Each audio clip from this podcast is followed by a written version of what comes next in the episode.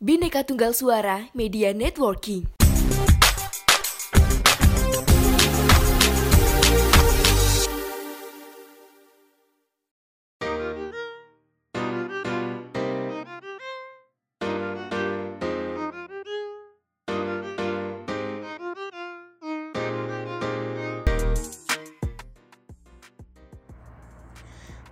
Assalamualaikum teman-teman Balik lagi sama aku Nadia di podcast Nemenin Kamu Ngambis Di episode kali ini kita bakal bahas tentang kegiatan membaca secara umum dan minat baca secara khusus Tapi sebelum lanjut ke pembahasan, aku punya beberapa pertanyaan buat teman-teman mengenai bacaan Jawab dalam hati ya Pertanyaan pertama Apa genre buku favorit kamu? Fiksi atau non-fiksi? Dan kalau fiksi, sukanya apa? Kalau non-fiksi, sukanya apa? Pertanyaan kedua, kapan terakhir kali kamu menamatkan sebuah buku dan buku apa judulnya? Pertanyaan ketiga, kalau pengen baca buku, apa yang kamu lakukan? Beli bukunya atau pinjam? Oke, kalau semua pertanyaannya udah terjawab, mari kita lanjut ke topik. UNESCO menyebutkan Indonesia urutan kedua dari bawah soal literasi dunia, yang artinya minat bacanya sangat memprihatinkan, cuma 0,001 persen. Kayak misalnya nih, ada seribu orang Indonesia. Nah, cuma satu orang tuh yang rajin membaca. Riset berbeda bertajuk World's Most Literate Nations Rank yang dilakukan oleh Central Connecticut State University pada tahun 2016 bulan Maret lalu Indonesia dinyatakan menduduki peringkat ke-60 dari 61 negara soal minat membaca, persis di bawah Thailand yang mana doi itu nomor 59 dan di atas Botswana yang nomor 61. Dua data yang aku sebutkan tadi membuktikan bahwa emang minat baca masyarakat Indonesia semeresahkan itu. Tapi tunggu dulu, meski minat bacanya rendah, ternyata masyarakat Indonesia bisa menatap layar gadget kurang lebih 9 jam dalam sehari. Data ini diungkap oleh WR Sosial pada Januari 2017 lalu.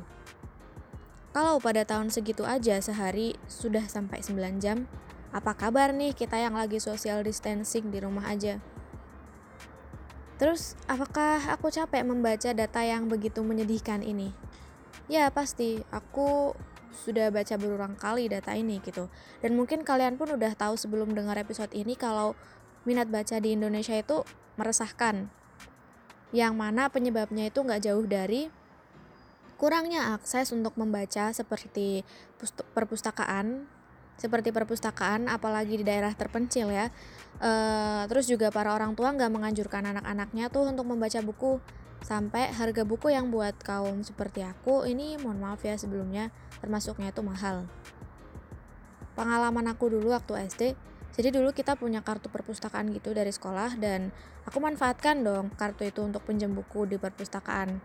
Dan tahu buku apa yang aku pinjam? Buku aku buku yang aku pinjam itu buku cerita terbitan kira-kira tahun 80-an mungkin ya. Yang bukunya itu udah menguning. Terus ceritanya tentang seorang gadis berkerudung putih gitu, dia dapat surat kaleng di depan rumahnya dan seterusnya. Ada buku cerita lain juga yang aku pinjam tapi yang ikut yang aku ingat cuma itu terus aku ingat ada juga Laskar Pelangi di perpustakaan tuh. Tapi aku yang waktu itu masih SD be like ih nggak dulu deh bukunya tebel banget. Barulah ketika aku masuk SMP aku ketemu sama orang-orang yang bikin aku jadi tahu bahwa oh di dunia ini tuh ada ada sesuatu yang namanya novel. Dan ada cerita buat anak-anak yang namanya KKPK gitu. Karena aku sebelumnya nggak pernah tahu gitu kan. Nah tapi di sisi lain, kalau kita luaskan pandangan kita terhadap membaca yaitu bukan cuma membaca buku, melainkan ya baca-baca artikel di internet atau baca timeline Twitter, Quora, bahkan sampai baca cerita di Wattpad. Bakalan runtuh tuh anggapan kita bahwa minat baca masyarakat Indonesia itu rendah. Gak tanggung-tanggung, Indonesia berada di urutan kelima dalam hal kecerewetan di media sosial – karena tiap harinya warga Jakarta itu menuangkan segala bentuk unek-uneknya di Twitter yang jumlahnya lebih dari 10 juta tweet. 10 juta tweet. Nah, sampai sini kita tahu bahwa mungkin buku itu masih masuk kebutuhan tersier ya atau barang mewah buat sebagian dari kita. Tapi ketika kita belum bisa baca buku secara fisik, kita tetap bisa kok membaca dari internet. Sekarang semua orang bisa mengakses internet dan sudah menjadi tugas kita semua agar memanfaatkan internet ini untuk hal-hal yang positif. Jadi intinya apa?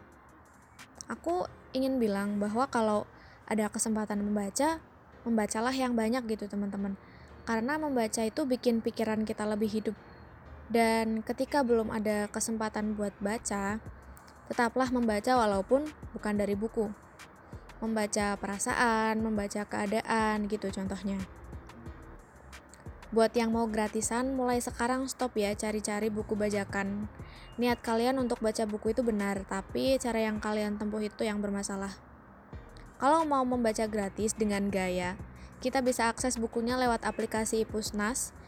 Ipusnas itu aplikasi perpustakaan nasional atau IJAK, aplikasi perpustakaan punya pemerintah Jakarta uh, ada juga punya pemerintah lain kalian bisa cek di rekomendasi Google Play Store nanti biasanya muncul Yuk langsung download di Play Store habis ini dan kita mulai hunting buku-buku gratis.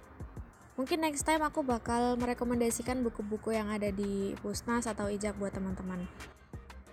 Oke, okay, segitu dulu episode kali ini kayaknya. Kalau ada masukan, kritik, atau saran, boleh banget dibicarakan baik-baik sama aku. Langsung aja klik link Instagram nemenin kamu ngambis di deskripsi podcast ini. Semoga bermanfaat, jangan lupa semangat dan tetap sehat. Sampai jumpa di episode berikutnya. Bye!